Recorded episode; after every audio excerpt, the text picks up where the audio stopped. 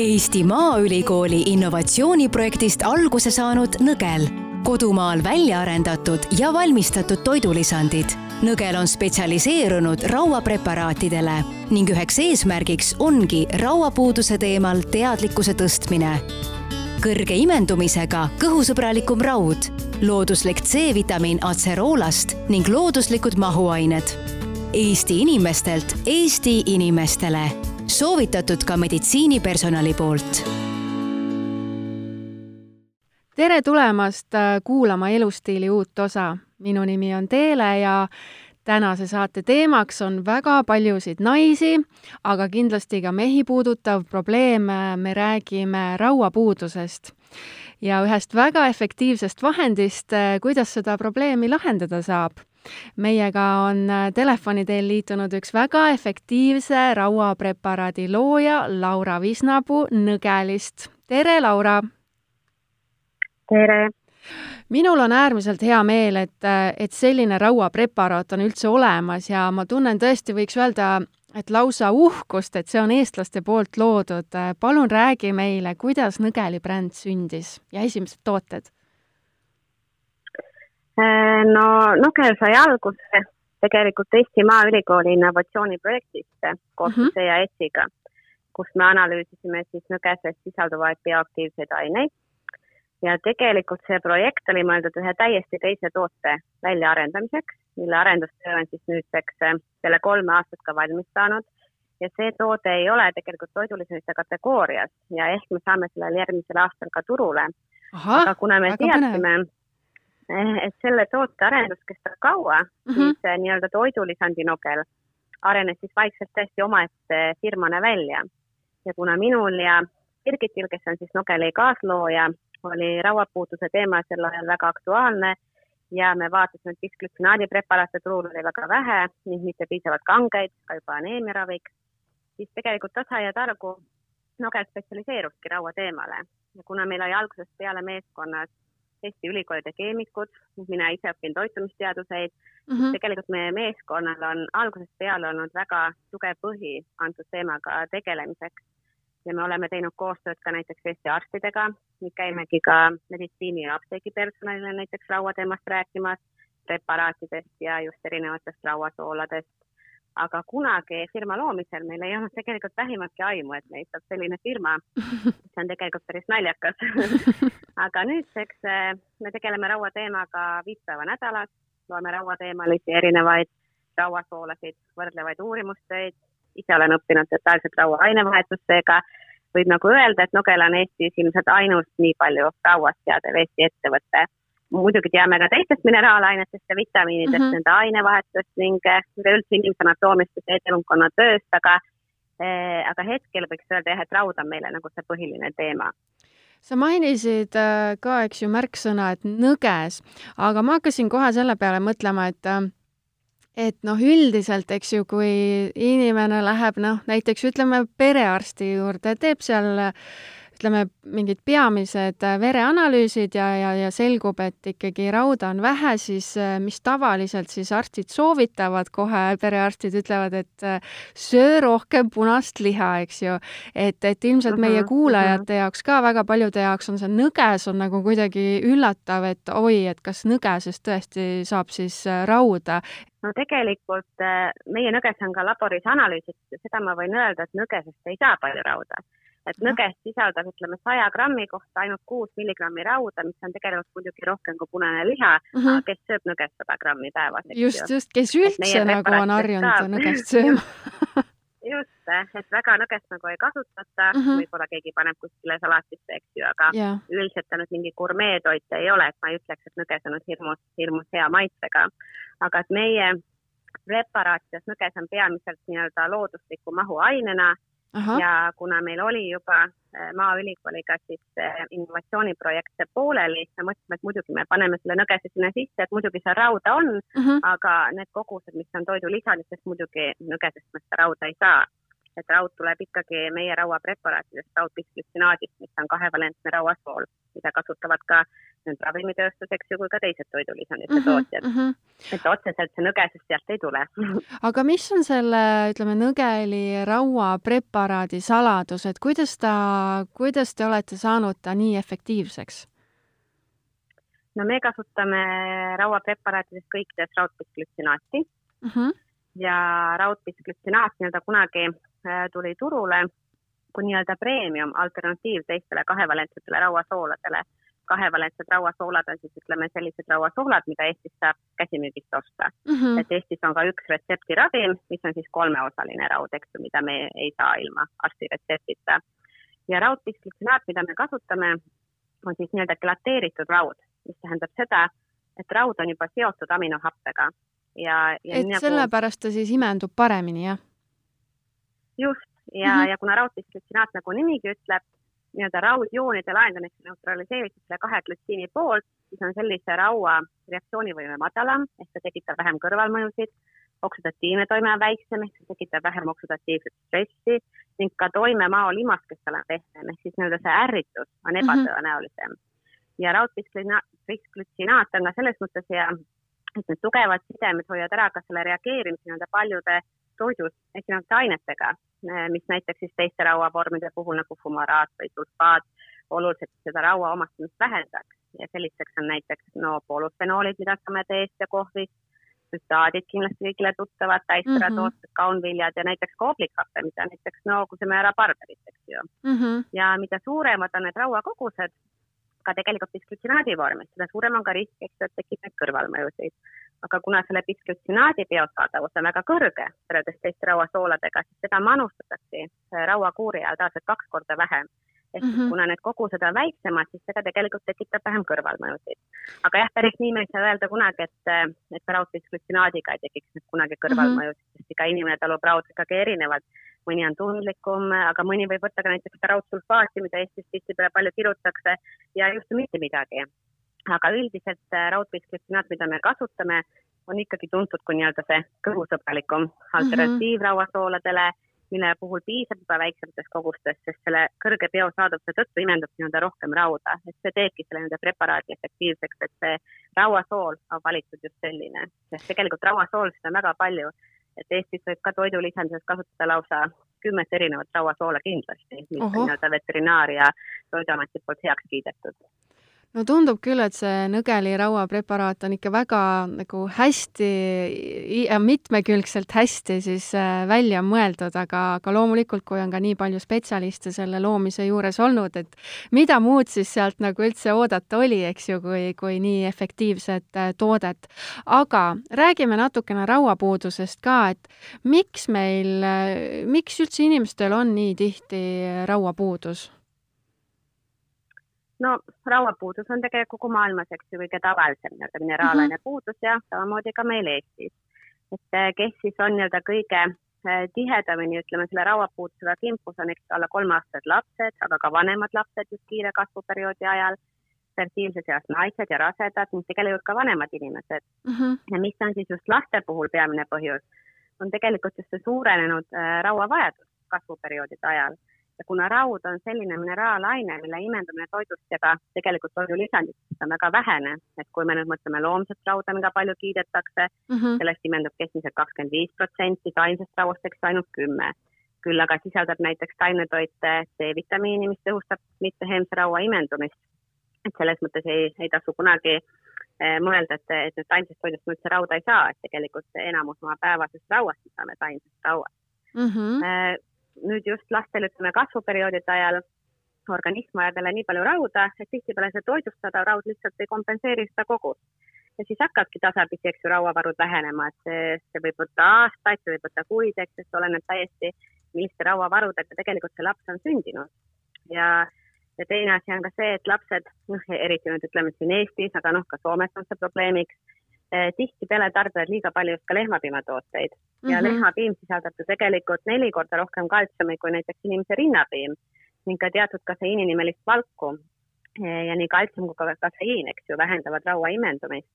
Et laste puhul ehk tasukski nii-öelda jälgida, et siis nende lehmapiimatoodetega ei liialdata mm -hmm. ning just piima ei joodaks toidu kõrvale, eks, et piim on ikkagi söök, mitte jook ning äh, kui seda tarbida, siis eraldi vahepalana. me oleme vist jah ja, harjunud ja, siin Eestis rohkem just. mõtlema, et piim on ainult hea ja, ja lapsed las söövad ja joovad seda nii palju kui vähegi võimalik, eks ju jah, no näiteks Soomes äh, on täiesti eraldi diagnoos, et ongi piimaaneemia, et Eestis mm -hmm. terminit võib-olla väga palju ei kasutata, aga see on täiesti, täiesti olemas.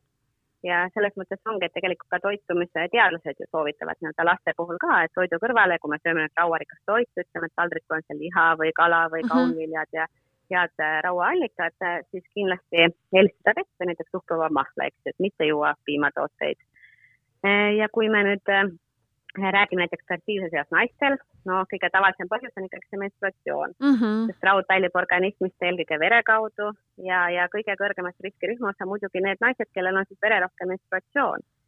ja siis muidugi rasedus, eks ju, rasedus on jällegi selline aeg, kus on organismis väga suur rauavajadus eh,, organismis on palju rohkem verd ja toitumisteaduste põhjal rasedusaegne rauavajadus on lausa üks, üks koma kolm kuni üks koma neli grammi, mis on väga suur kogus rauda mm. -hmm. et üldjuhul eh, ükski rase ei suuda hoida organismis nii-öelda sellist eh, tervislikku piisavat rauataset ilma, et ta võtaks siis rauapreparaati ja tegelikult Maailma Terviseorganisatsioon soovitabki raseduse algusest lausa sünnituseni kasutada neid rauapreparaate, eks ju, teatud koguses, aga Eestis seda soovitust ei järgita. Eestis vist jah ei ole. kõrvalmõjusid ei ole nii populaarne see. näiteks ei jälgita.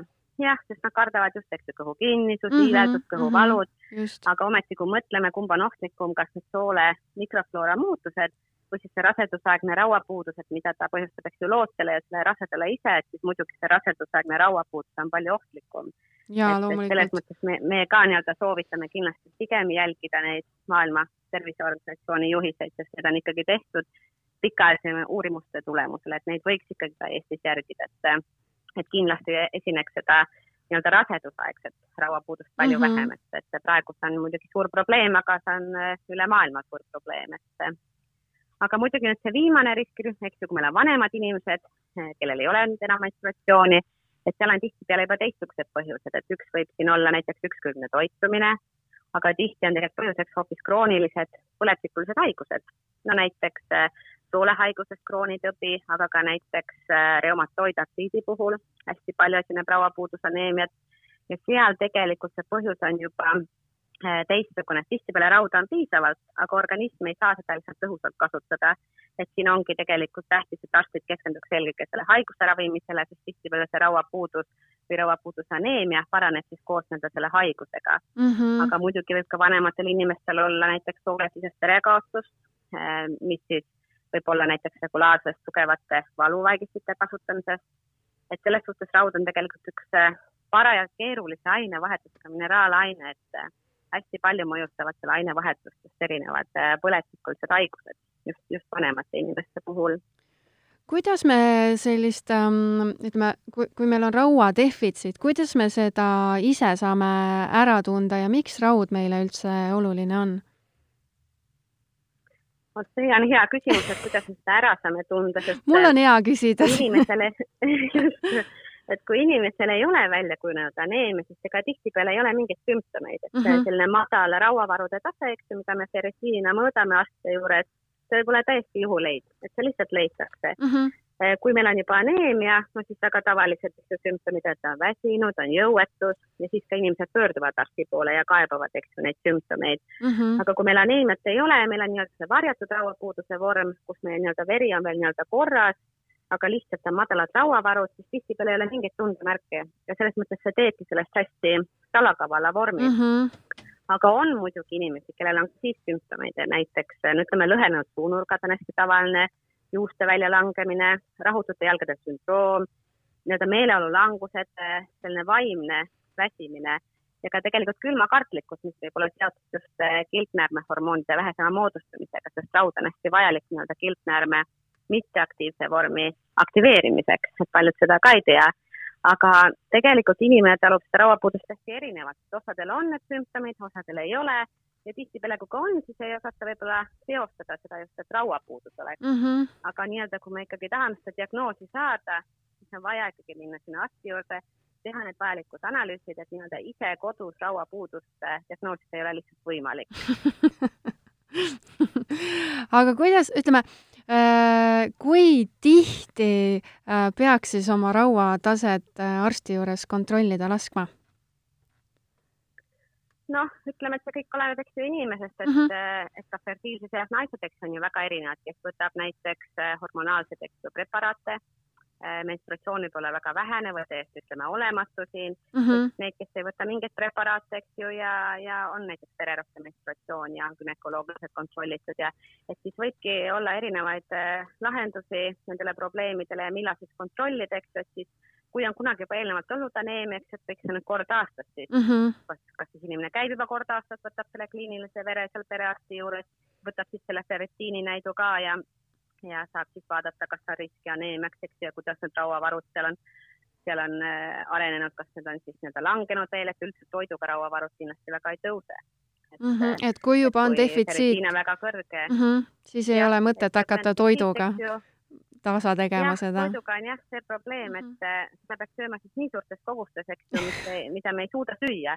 et kui me mõtleme, et sada grammi punast liha sisaldab tegelikult rauda vaid umbes kolm kuni neli milligrammi. ja sellest kõik ja ei imendu väike...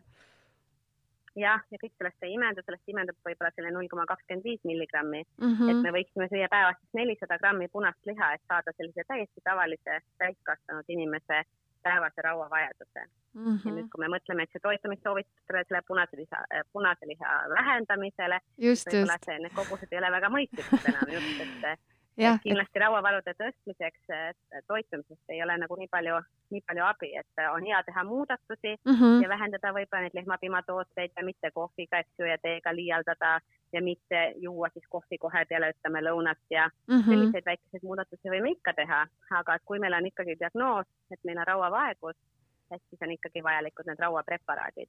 aga ütleme nüüd, kui siin on lapsed, ütleme siin Soomes isegi soovitatakse, et kui on raseduse ajal olnud rauapuudus emal, et siis seda last, eks ju, seda vastsündinud last kontrollitakse, ütleme kas või nüüd kord aastas, eh, just enne kolmandat eluaastat, kui see aneemia risk on kõige suurem mm. -hmm. siis eh, suuremaid lapsi võib nii-öelda vastavalt vajadusele, eks, et kui need on kunagi kontrollitud ja, ja rauavarud on olnud väga head, eks noh, siis ei peagi võib-olla iga aasta torkima, aga et eh, ma täpselt isegi ei teagi, kui regulaarselt tegelikult Eestis lapsi kontrollitakse, sest ma olen ise ise elan Soomes ja siis siin ma tean, et rauavaegust lastel ei ravita ja vähemalt kümne aasta jooksul ei ole ka mu tuttava lastel kunagi vereproovi võetud, et ega see olukord nii-öelda väga kiita siin ka ei ole. võib arvata, et diagnoosivad seda ma ei tea. võib arvata, et. Eestis on see umbes samamoodi, kuigi ma ei saa ka sada protsenti kindlalt väita, aga ma arvan, et kui see on juba Soomes nii, et siis ilmselt ilmselt on Eestis ka no, kuidagi ütleks, nii? et eh, Eestis on olukord palju parem, et tõesti? näiteks juba üheksa kuu vanuselt eh, lastel on tavaline kontroll, eks ju uh, -huh. kus võetakse hemogramm, vaadatakse seal hemoglobiin, hemotsukrit, punavereindeksid ja kui lapsevanem soovib, saab võtta seal näiteks D-vitamiini B kaksteist või ferritiini. Soomes uh -huh. sellist asja nagu kindlasti ei ole oh,. et uh, -huh. et Eesti on selles mõttes, ma ütlen, palju parem et äh, seal on olukord kindlasti parem. no tore, head uudised meile. jah, jah, ja saab alati minna perearsti juurde ise paluda, teine asi on see, kas see perearst siis ka vastu tuleb ja ja ütleb, et see analüüs on vajalik, eks ju, või siis ütleb, et minge sinna Synlabi ja tulge minu juurde tagasi, et maksate ise tulemuste eest mm -hmm. ja mhm. mina siis nii-öelda tõlgendan need tulemused. no see on ka selles suhtes ikkagi ju selles variant, et, et kui on ikkagi soov saada see rauatase teada jah, muidugi ja tegelikult hemogramm ja ferritiin, ütleme, need analüüsid on pigem äh, soodsamad analüüsid mm, -hmm. need ei ole kallid ka, kui nüüd peaks ise, ütleme, SYNLAB-i minema ja siis perearsti juurde tagasi. aga üldiselt ma arvan, et äh, kui on vähegi kahtlust ja kui lapsevanem on mures ja tahab kontrollida, siis ma ei usu, et Eesti perearstid kuidagi oleksid vastu. ma arvan ka.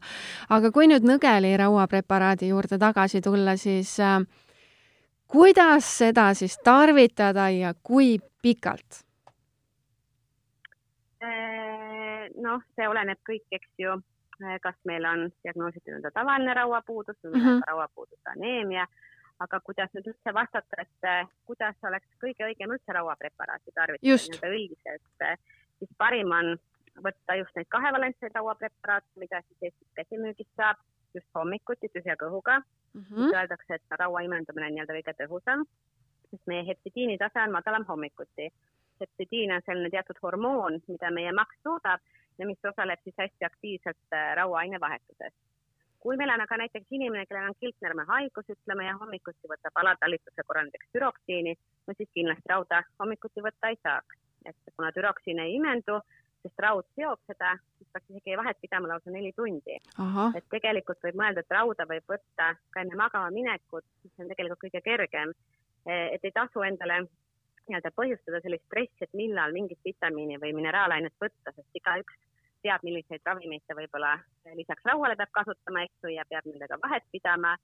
ja, ja võib-olla õhtuti ongi siis kõige kergem võtta, sest me ei söö midagi enam peale.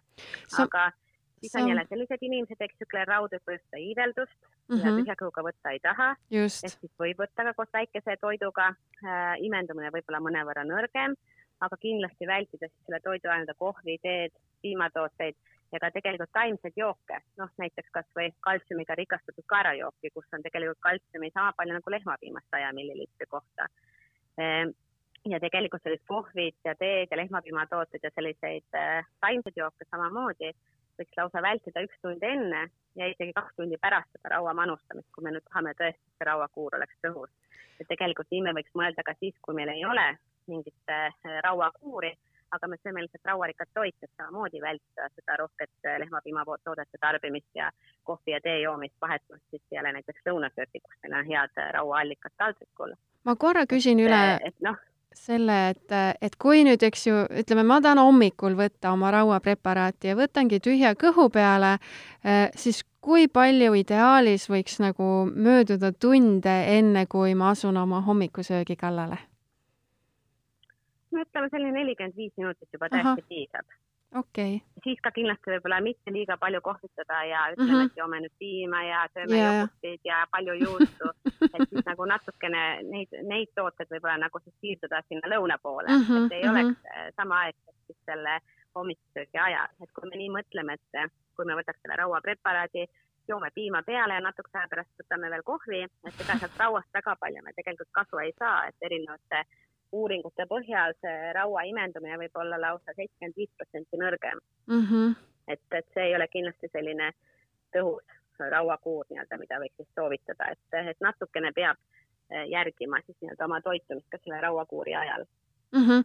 aga kui me räägime nüüd perioodist, et, et rauapreparaadid ilmselt ei ole kindlasti sellised toidulisandid, mida, eks ju äh,, regulaarselt kogu aeg tarbida.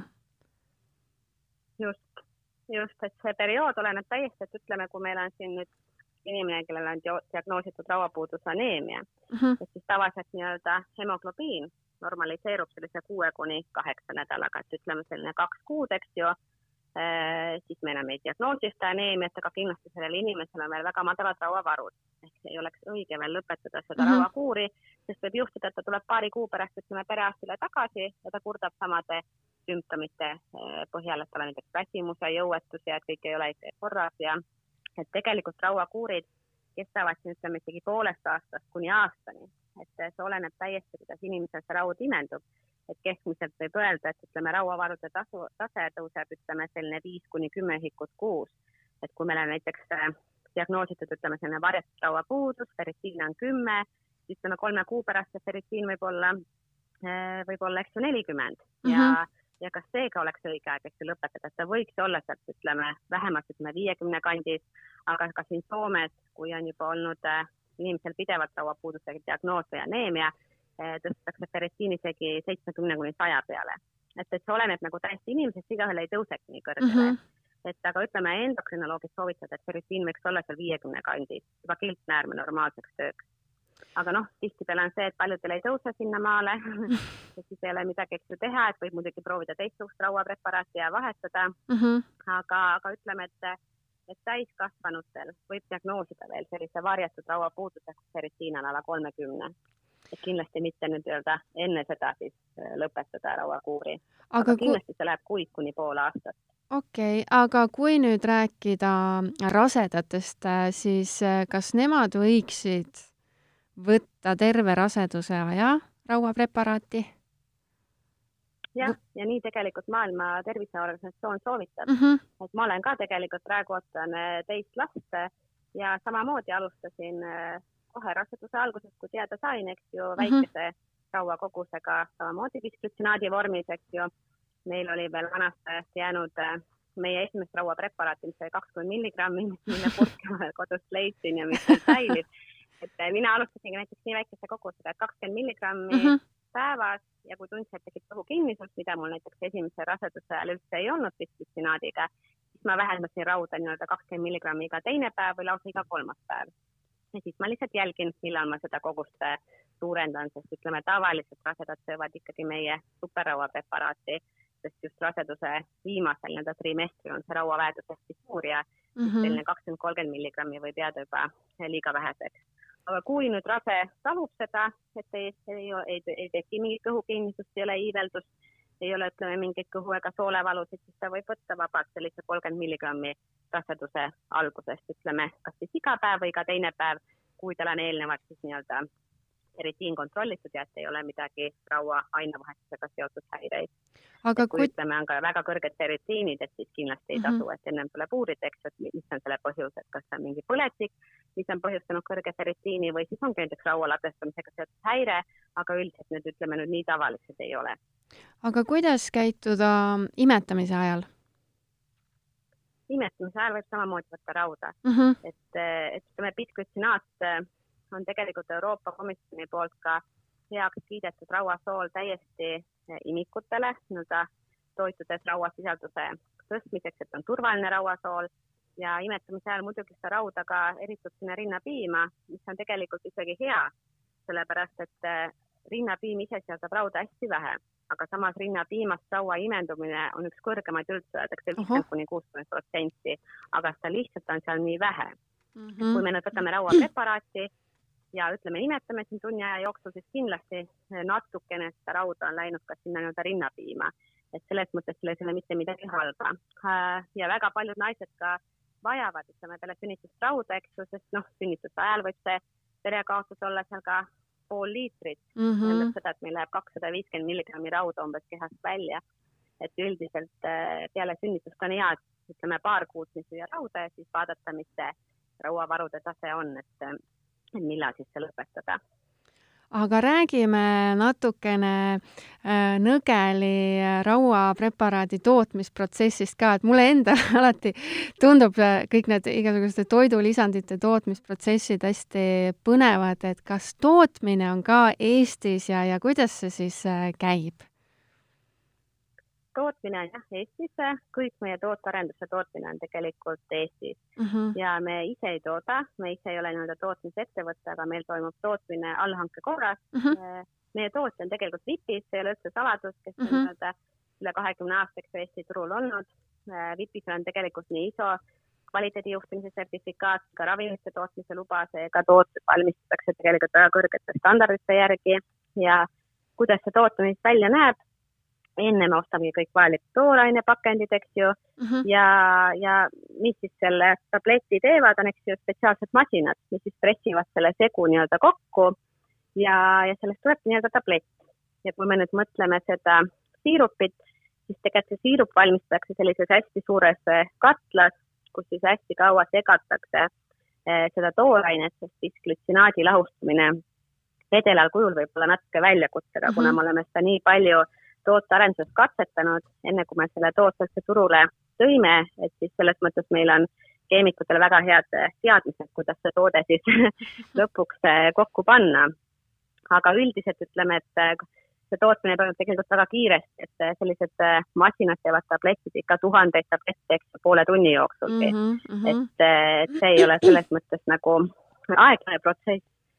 siirupiga ajab natukene kauem aega ja ja siis on selle toode valmistunud, pakendamine, eks ju, mis, mis on võib-olla see kõige aeganõudev protsess ja etiketitamine, mis toimub ka masinate abil ja enne iga uue partii turule laskmist analüüsime siis ka raua ja C-vitamiini sisalduse Eesti riiklikus laboris ning alles peale labori vastust väljastame siis selle partii nii-öelda edasimüüjatele ja, ja seal tootmisprotsessis ise me muidugi ei osale, sest juba ISO standardi järgi need on mm -hmm. puhtad ruumid, kuhu me ei tohi minna, aga seal osalevad siiski nii-öelda meie toodetega hästi kursis olevad inimesed, peamiselt on seal siis keemikud, kes mm -hmm. tunnevad neid retsepte ja on ka tootekatsetustel osalenud, et ei tekiks siis tootmise ajal mingeid üllatusi ja väljakutseid no väga põnev.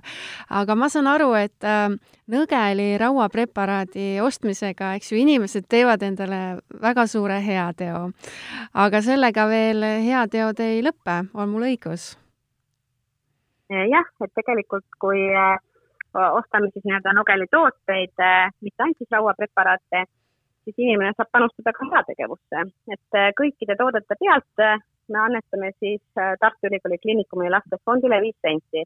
Mm, -hmm. välja arvatud siis äh, meie kõige esimene toode, mis tuli turule kaks tuhat kaheksateist, mis oli siis see raud äh, kakskümmend milligrammi, mis on nüüd uuenenud kolmekümne milligrammi peale, et sellega on meil vana koostöö RMK-ga, et mm -hmm. iga purgi pealt istutame Eestisse ühe puu oh,. ja tore. tegelikult osad inimesed võib-olla ei hooli üldse sellisest väikesest ekstrast toote ostmisel aga teisele inimesele võib näiteks kahe toote valimisel selline väike heategevuse pool olla jälle oluline. seda ei oska nagu öelda, et eh, kuidas see heategevus nii-öelda inimesi väga mõjutab selle ostu tegemisel, aga meil oli nii-öelda brändi loomisel heategevus ikkagi üks tähtsaid väärtuseid, ehk me ei taha ühtegi toodet tuua ka edaspidi tulevikus turule lihtsalt müümiseks, et midagi väikest peab ikka saama nii-öelda vastu anda.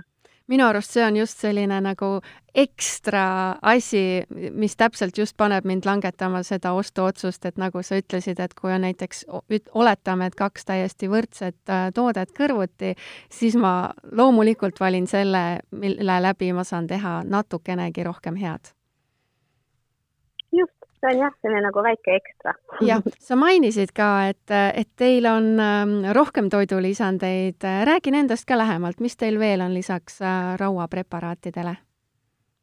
no lisaks rauapreparaatidele, mida meil on praegu kolm uh, -huh. on mhm. meil ka tegelikult äh, D-vitamiinid valikus. Äh, me oleme tegelikult hästi noor ettevõte, alles kaks tuhat kaheksateist suvel loodud. et meil ongi nüüd vaikselt siin tootearendus tulemas uusi tooteid no,. aga D-vitamiine meil on siis äh, kolme erineva kangusega ja me kasutame siis äh, tilkades esmakordselt äh, koostöös Eesti ühe maheastelpaju kasvatajaga kodumaist maheastelpajuli ekstrakti, mis siis pressitakse meile enne iga uut tootmist siis sinna maheoliiviõli sisse ja siis muidugi beebide D3 tilkades meil on lihtsalt puhtalt maheoliiviõli. aga nüüd sügisel, talvel, kui kõik hästi läheb, peaks turule tulema lausa kolm uut toodet, millest tegelikult kaks on meil hästi kaua oodatud ja planeeritud tooted, mida, millest ühte me oleme siin juba poolteist aastat välja arendanud ja on ebaõnnestunud ja oleme proovinud muuta ja, ja, ja nüüd ta on meie säilivuskatsetes. ja üks toode on näiteks arendatud välja koostöös Eesti ühe tuntud eesti laste neuroloogiga. kas sa saad ja, avaldada ka neid, et mis tooted need on? Seda ma ei saa avaldada seda ma ei saa avaldada, kuni tooted ei ole nii-öelda turule, turule esmakordselt tulnud, et praegu on nii-öelda säilivuskatsed pooleli mm, -hmm. aga tulemused on praegu head, et kui kõik hästi läheb, et võib-olla selline oktoober, november tuleb siis see üks nii-öelda kauaoodatud toode turule. nii et me peame lihtsalt ära aga... ootama just, peate lihtsalt ära ootama mm. -hmm aga meie eesmärk ei olegi tegelikult väga suureks selliseks toidulisandi firmaks äh, saada, vaid pigem äh, see sortiment võiks olla väike, aga mm -hmm. mis hõlmaks siis selliseid äh, vitamiinide ja mineraalainete rühmasid, mida võib tõesti teatud eluperioodidel vaja olla ning mille puudus siis võib põhjustada ka meile nii-öelda kliinilise diagnoosi, et kui me mõtleme, et rauapuudus on eelmine kliiniline diagnoos mm -hmm. või siis folaadi ja B12 puudus, eks ju, megal-, megaloplastiline aneemia samamoodi diagnoositakse, eks ju, arsti juures. Äh, aga noh, senikaua, kui meil on nii-öelda neid kasvavaid lapsi, fertiilses eas naisi, rasedaid ja vanureid, et nii kaua meil on ka tegelikult maailmas see rauapuudus, et teatud asjad nagu ei kunagi ei muutu. et paremuse poole kindlasti võivad muutuda ja loodetavasti ka lähevad, aga niimoodi, et rauapuudus nüüd täiesti kuskile ära kaoks, et seda kindlasti ei juhtu. ja teine asi nii-öelda B3 vitamiini vajadus Eesti kliimas, kui nüüd tõesti midagi ekstreemset ei tule, siis ilmselt me, me kasutame eh, nüüd väljaspool suveperioode, eks ikkagi D3-e ka mm. -hmm. mis on teie kõige populaarsem toode?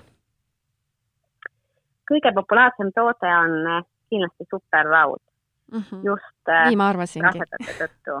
jah, et hästi palju rasedad kasutavad superrauda ja mm, -hmm. ja superraud on mõeldud eelkõige nii-öelda juba rauapuuduse aneemia korral. et ütleks, ütleks küll, et see nagu müüb kõige paremini.